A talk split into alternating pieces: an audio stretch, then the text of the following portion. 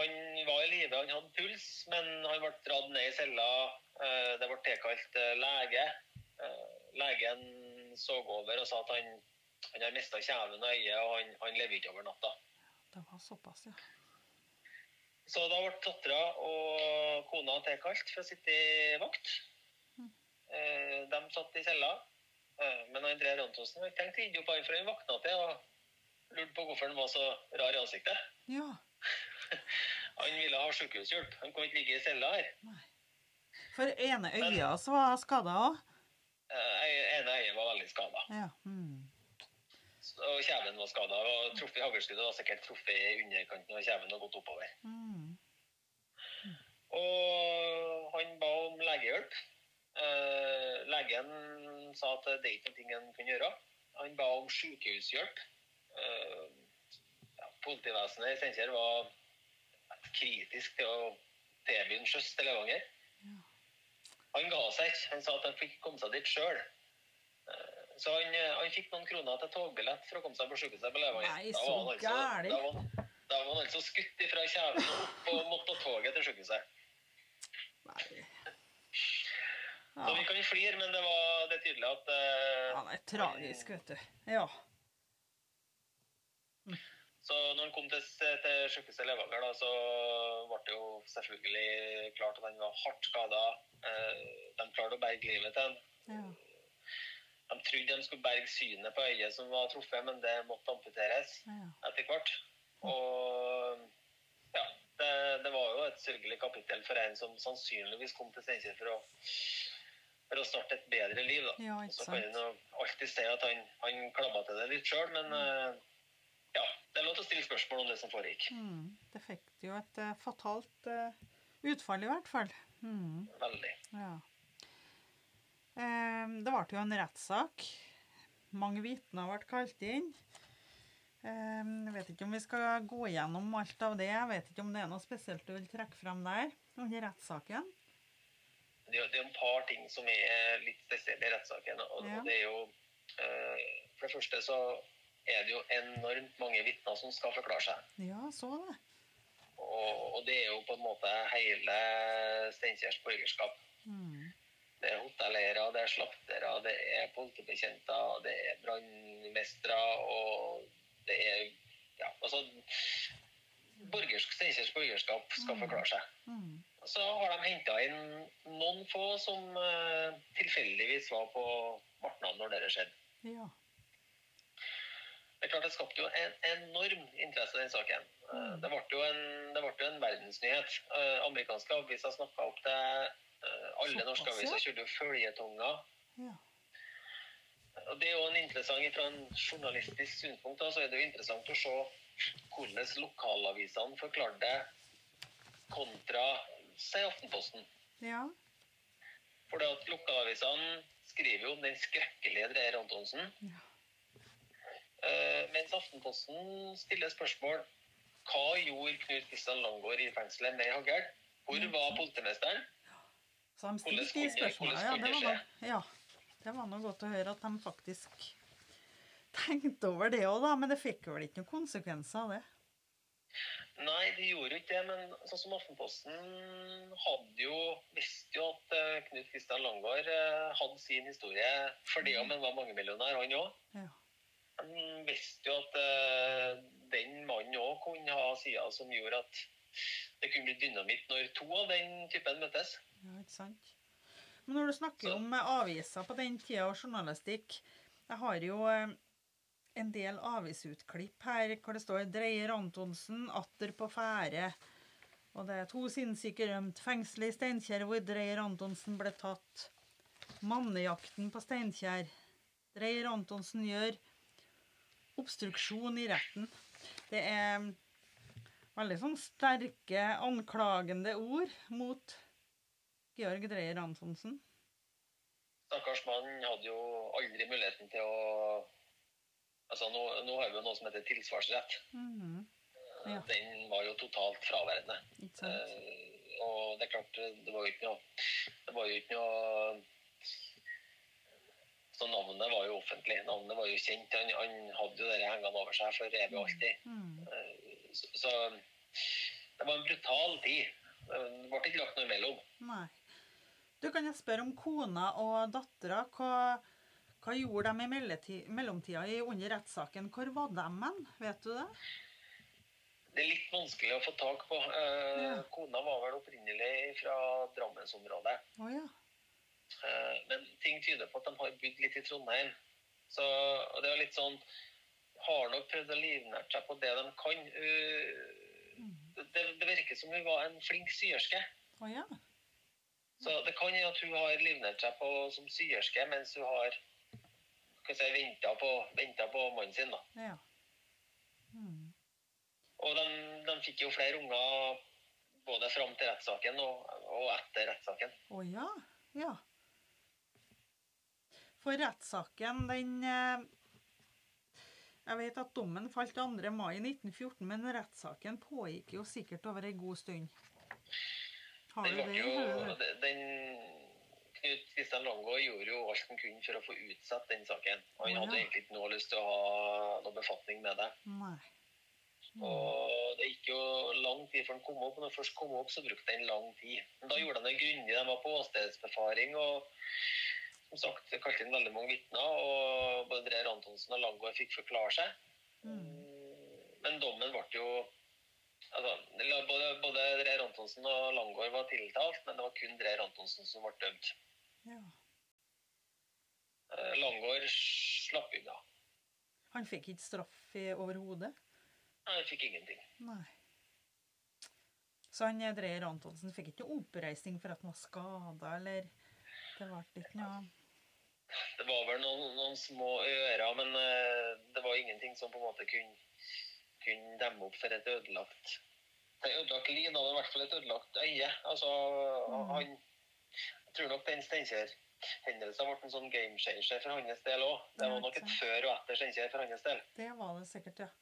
For han fikk jo, var det ni måneder, og forbud mot å vise seg i eh, Beistanden, Sparbu og Steinkjer. Det var egentlig bare en uh, tilfellelse i en lang rekke, for han var fullt av amt og län han ikke hadde lov til i hele Norge. Han lov til å være i. Så eh, han, han hadde etter hvert eh, et rykte altså, før Steinkjer som en slåsskjempe som han på en måte var utstengt en del ifra. Og så fikk han den der, så han, det ble ganske snevert hvor hvor han kunne være da. Ja. Mm, okay. Men da kommer, da kommer noe finurlig som jeg ikke har uh, hørt eller sett maken til uh, før. Jaha. Han søker om benådning. Å ja. Og ja da, han får benådning. Men da må han emigrere til Amerika. Akkurat. Ja. Så du finner henne på skipslistene til Amerika. Så han har han altså emigrert, for han fikk ikke lov til å være i Norge. Aha. Ferden i lag med kona og ungene.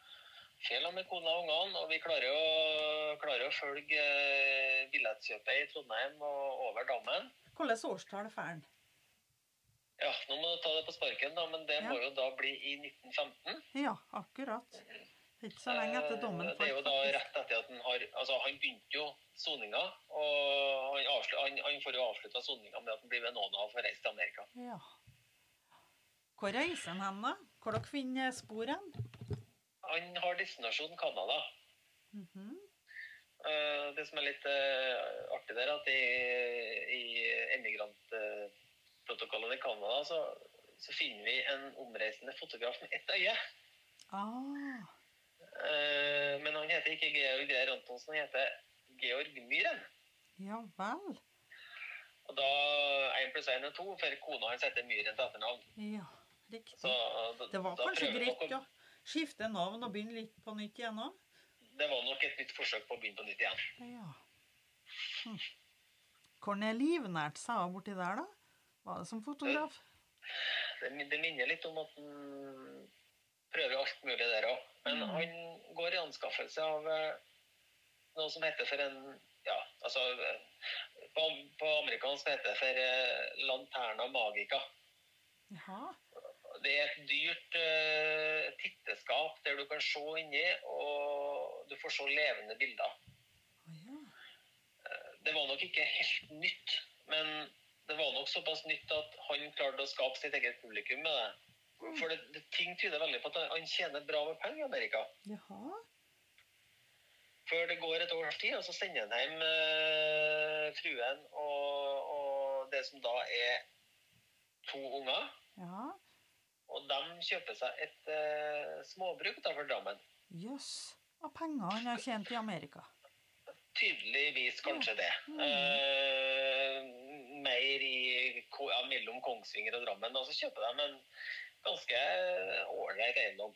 Ja vel. Mm. Så går det noen måneder, og så kommer han hjem sjøl. Ja. Da, da er han litt storkar, for da kjøper han seg hest, og han eh, investerer litt. og ja. Tydelig at da har det på en måte gått litt greit, da. Jøss, det høres jo ut som han har virkelig fått en ny start og fått eh, sjekk på livet sitt. Ja, Og så begynner det å dukke opp igjen med litt negative fortegn. Ja. Mm. Eh, Da har det tydeligvis gått litt skeis, det tvangsauksjon. Og blant annet så ser vi i tvangsauksjonslistene at det nevnte Lanterna Magica skal selges. Eh, Ante fotutstyret skal selges. Eh, Ei Mm. ku, høna. Først gangen er det frivillig, og så blir det en tvungen auksjon. Ja wow. Ja. Og så s- dukker han opp litt i spaltene igjen sørafor, der han har annet gått amok på et eh, hotell i Gjøvik. Å ja. Ja, det så jeg forresten her. Ja. Det var i da- da er det litt sånn, 1921, Da har han egentlig hett Georg Myhren ganske lenge. Men i det øyeblikket han da er ufin mot politi og en dame i Gjøvik, så blir han da den forferdelige Dreyer Antonsen igjen. ja. Se på han igjen. Mm. Da, da, og da er det ordentlig på'n igjen. Da er det egentlig rett ut, langt på sidelinja. Ja. Egentlig etter bare ett et opptrinn, altså, så får det det konsekvenser. Ja, eh, det kan se ut som en har piska litt sånn småting, men det er spesielt ett opptrinn som gjør at det blir full kok igjen. ja. Mm. Men eh, jeg har, jo, har jo selvfølgelig sett mye avisartikler om at han har vært på Reitgjerdet. Og du kan jo fortelle litt i korte drag eh, hvordan det har seg at han kom dit. Det har kanskje noe sammenheng med den affæren på på Gjøvik? Jeg vet ikke. Ja, han, han eh, Samme dagen som eh, hans fjerde datter blir født, Jaha. så møter det opp to politibetjenter som sier at Dreyer Antonsen, du er ikke arrestert, men du er tvangsinnlagt på Reitgjerdet. Uh, På hvilket grunnlag var det sier egentlig? ja vel, da får jeg være med, da. Ja. Så han, han blir med til Trondheim og blir lagt inn på Reitgjerdet med en ganske åpen soning, egentlig, men han blir observert. Uh, og det, det, har vel en sammenheng med at han har gjort en del rart, da. Eh, men så klarer de, klarer de mesterstykket, og, og de tar ifra ham alle rettighetene. Eh, på et pennestrøk så gir de Mathea i, eh, i Drammen lov til å ja, selge eiendelene hans og på en måte eh, nulle den ut. da. Ja. Og, og, og det er en ting ikke Mathea er veldig begeistra for heller. For da, han har ikke myndighet over seg sjøl lenger. Ikke kan han forsvare seg sjøl i retten, ikke kan han forsvare seg sjøl på Reitgjerdet. Han er egentlig veldig ukomfortabel med hele situasjonen. Ja. Uh, Mathias, sier at altså, Georg er en klok mann. Han kan både regnskap og vet hvorfor han er og vet hva han har gjort det galt og vet hva han kan gjøre med det. Ja. Uh, han har sine utfordringer, men uh, han, han skal ikke umyndiggjøres. Var det her i, i 1921? Cirka? Det begynner å nærme seg, seg 20-tallet. Han, Ja, okay. han går jo på åpen soning på Reitgjerdet, og så ja, I dag misnøye med å bli umyndiggjort, så Ja. gjør han jo et fatalt rømningsforsøk. Han får med seg en medfange, og så eh, stikker han av. Stikker retning nordover. Og hva du tror da Da ble Steinkjerfolk redd, for da så de for at nå skulle Dreyer Antonsen komme og gjøre hevn. Å ja. Du, Så hva het han, han mannen han rømte i lag med? Var Lund? Det tror jeg var Lund, ja. Ja. Mm, det var en artikkel jeg har her. Så han, eh, de setter veien nordover. De hadde jo Georg Dreyer Antonsen skulle jo ikke tilbake til Steinkjer, det var jo bare Steinkjer-folk som innbilte seg. Men han, eh, de hadde jo planer om å komme seg over til Sverige via Meråker. Å ja. Ja. Og det gikk nesten. De kom seg helt opp til Hegra. Og så ble de eh, ruka, da. Ja. Da ble det en annen hverdag. Da fikk ikke han åpen soning, og da bar seg på klimaasylet i Trondheim for Geir Antonsen. Ja. Så da vår eh, enøyde banditt, da, han, eh, han havna, havna på klimaasylet, og da tror jeg nok at eh, ja, Det er jo diverse protokoller som, der som viser at han, han hadde ikke noe bra. Men var det flere rømningsforsøk, eller var han såpass isolert der at han kom seg ikke Da kom han seg ingen plass for Nei. Det, det er nok Det var nok å beregne Altså, det må nok kunne sammenlignes med et godt bevokta fengsel. Ja, ja. Jeg tenker nå litt på kona og de fire ungene.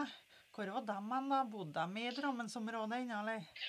De gjorde nok det, og, og jeg tror nok når vi, når vi snakker om 1923, når han blir satt inn på krimaasylet, så tror jeg at de på en måte har ridd opp en sørafor òg. Ja, For da, da kommer de bort fra historien mer eller mindre. Ja. Så det var sikkert ikke så gærent med kontakt heller, da. Langt unna, sant. Og så, og så ble han jo etter hvert erklært sinnssyk. Ja, akkurat. Eh, ble jo I teksten også står det at han er sinnssyk og farlig for den offentlige sikkerhet. Mm.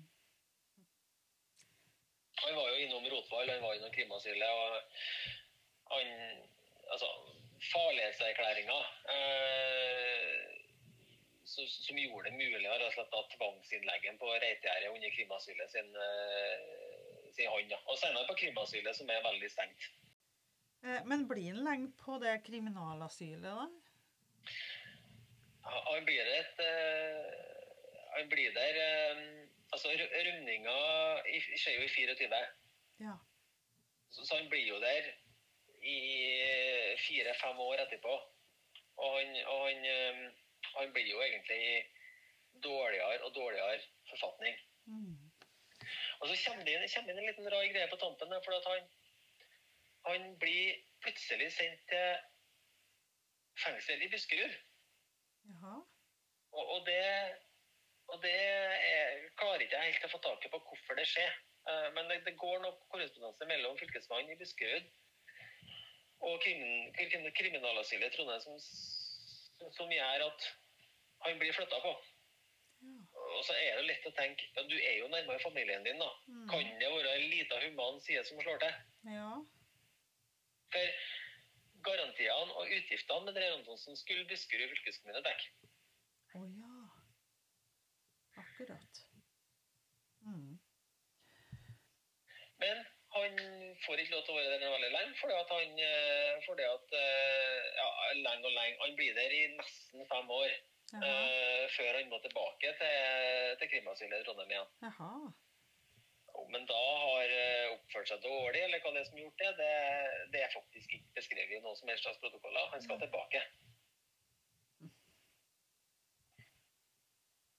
Så i eh, han blir da frakta tilbake til Trondheim. Hvilket årstall er det nå, cirka? Da, da er vi på 1930. Ja. Mm. Og da, og da Krimasylet forteller jo at den blir stadig mer utagerende og vanskelig. Hvor lå Eh, krimasylet Så vi kan ta det. Få den i, få den i tale, rett og slett. Hvor lå krimasylet?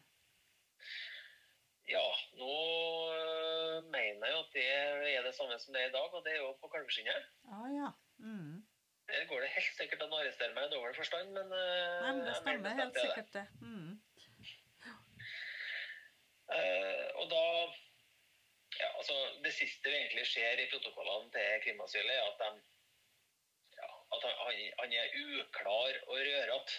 Men at han taler veldig godt om sin egen familie. Ja. Er han gammel, da? Han var jo født i, nitt- i 1887. Mm. Ja, han er jo 42 år Mm. i 1930. Ja, akkurat. Og da går det jo sånn at eh, tidlig om morgenen den 26. mars i 1930 så åpner fengselsbetjentene cella hans. Og der får de se der Antonsen henger etter hersen med en strekk. Ah, mm. Kort og grei omtale i protokollen. Suspensis. Altså hadde han hengt seg. Ja. Da var han Han erklært død på ble flyttet til sykehuset, men eh, livet sto ikke redd, så han, Ja, han, han døde på vei til sykehuset. Akkurat. Og 42 år. Da, var 42 år, etterlatt seg kone og tre barn på Ringerike. Mm. Ja, det er en forferdelig historie. Ja, det er rett og slett et eh, strevsomt liv som har fått en elendig slutt. Mm. Vet vi noe om eh, familien, ungene hans? Fins det noen etterkommere i dag? Har du prøvd å rota litt i det, eller? Vi hadde jo Altså, det var jo aldri presentert noen bilder av Dreyer Antonsen. Eh, vi fant jo fant jo eh, fange... Hva heter det heter det for uh, Står det bomstilt? Altså bildene som er brukt i fangeprotokollene. Ja. Mm. Eh, Så det var det eneste bildet vi fant. Det, det fantes i Botsfengselet sin arkiv. Og jeg må si at jeg brukte veldig, veldig veldig mye tid på å prøve å finne etterkommere. ja. Eh, Ikke bare for bildene sin skyld, men òg for det å forklare at hvis det fantes etterkommere, at nå skriver jeg en bok. Ja, ikke sant? Eh, Være litt forberedt. Mm. Men eh, jeg vet ikke hvor mange kvelder og ettermiddager og uker og uker jeg har brukt før at eh, det endelig løsna. Så ja, svaret er ja. Jeg har funnet etterkommere. Åh. Men hva syns de om at du skriver bok om den? Syns de det var greit å få historien hans på trøkk? trykk? udelt positiv. Ja. Eh, De hadde jo hørt historier om sin oldefar og bestefar. Ja. Eh, Aldri fått helt greie på hva det var, og hvorfor det ble som det ble. Mm. Men uh, tilbakemeldingene på boka har vært udelt gode fra deres side, og, og det betyr mye. Ja, selvfølgelig. Så bra. Jeg ser jo det var et bilde her eh, av eh, han og fruen og sikkert den eldste dattera. Mhm. Det har du kanskje fått ifra familien, da? Alle bildene av André Antonsen har kommet fra familien, bortsett Ja. fra det fengselsbildet. Mm. Ja. Han ble vel veldig prega etter at han eh, fikk skutt inn kjeven og øynene. Han fikk vel et glassøye, sikkert? Fikk glassøye, og det, og det. Han prøvde jo å virke som, eh, som fotograf, så det må jo hemme han, tenker jeg. Ja, ikke sant? Og det, er klart eh, eh, Når en da kikker på hans nemesit, Knust Liseland Langgaard, som fikk egentlig et veldig rikt og flott liv etterkant av det her, altså, det føles jo litt urettferdig på en Ja, måte. Han eh, ja, det, det, var nok det var nok eh, litt spesielt at eh, de to der skulle møtes i fengselet på Steinkjer. Ingen var fra Steinkjer, men eh, Og der ser vi jo det klasseskillet veldig godt. Ja, Knut Kristian Langgaard har, har ledd en uh, stor gård i Egge og vært, på, vært losjert i Steinkjer i ett år og hatt gode kontakter. Mm. Uh, som i dag i gode kontakter kan være fornuftig. Mm. Jeg regner med han har etterkommere i dag òg. Det har det sikkert vært i kontakt med dem òg. Og, og jeg har snakka med etterkommerne, de var enklere å finne. Ja. Uh, Mye enklere. Ja. Eh, og, og, der er det, og der er det sånn eh, Ja, alle disse historiene om bestefar og oldefar, du verden, det var mye. Altså, Ja. han, han det, det har gått an å skrive to bøker om han òg, for Ja. der er det mye Det, det var et bøllefrø. Akkurat. Ja. Da, som de tidligere var britisk eh, mester i boksing. ja, ikke sant? Det kunne Det- være en podkast i seg sjøl. kanskje flirer aller mest av når jeg fikk bildene tilsendt. Det var et uh, opptrykt bilde, et, et, et, eh, sannsynligvis et julekort, der han hadde samla begge sine koner og alle sine døtre med begge de to konene. Jaha. Så han hadde jo en kjempestor gård på, i Stange i Hedmarken. Ja vel. Eh, men han var ikke, han var ikke noen gårdsmann, sant? han ville jo til byen og være storkar. Ja, han jo trengte ikke drive noen gård, han. Nei. Men, men i hvert fall altså, samla han sine døtre og sine to koner på et bilde. Og da skriver han faktisk under det bildet som han sender hele landet med hilsninger fra eh, seg sjøl, så skriver han 'Stangesvarten med sine hopper og avkom'. Ja. Jeg syns egentlig forklarer litt typen av det. Rimelig sjølsikker. Det var tittelen sin, ja. ja. Ja, men du, det her er en interessant historie. Veldig spesiell. Eh, jeg må jo anbefale folk til å kjøpe denne boka 'Villdyret våknet'. eh, Om eh, Dreyer Antonsen. Eh, Egge historielag. Det er vel et samarbeid mellom dere? Ja, eh, Du kan jo si litt om det. Jeg er jo redaktør for årbøkene til Egge historielag de siste Mm. årene. og den historien her skulle egentlig inn i ei årbok til Egge historielag. Ja. Men eh, den ble jo omfanget ble jo altfor stort til det. Så eh, lederen i historielag sa at du, vi, vi får lage, lage ei bok. Ja. Så fikk vi med oss eh, lokale Embla forlag. Eh, Boka er utgitt eh, tilgjengelig alle bokhandler, tilgjengelig på nett. Mm. Vært som sagt veldig positiv, eh, veldig positiv omtale. Ja, veldig fin bok, som vi snakka om før vi begynte å podkaste. Og Ja, det ble, det ble lekker på utsida. Det ble gjennomført. Ja, veldig. Og veldig mye bilder som beskriver eh, hendelsen eh, tvers igjennom. Og spesielt viktig for oss som ikke er så lokalkjent. Så den her anbefales eh, virkelig. Absolutt. Jeg kan, jeg kan legge til Vi fikk jo, fikk jo en, par, en par tilbakemeldinger på boka som egentlig varma ekstra. Ja.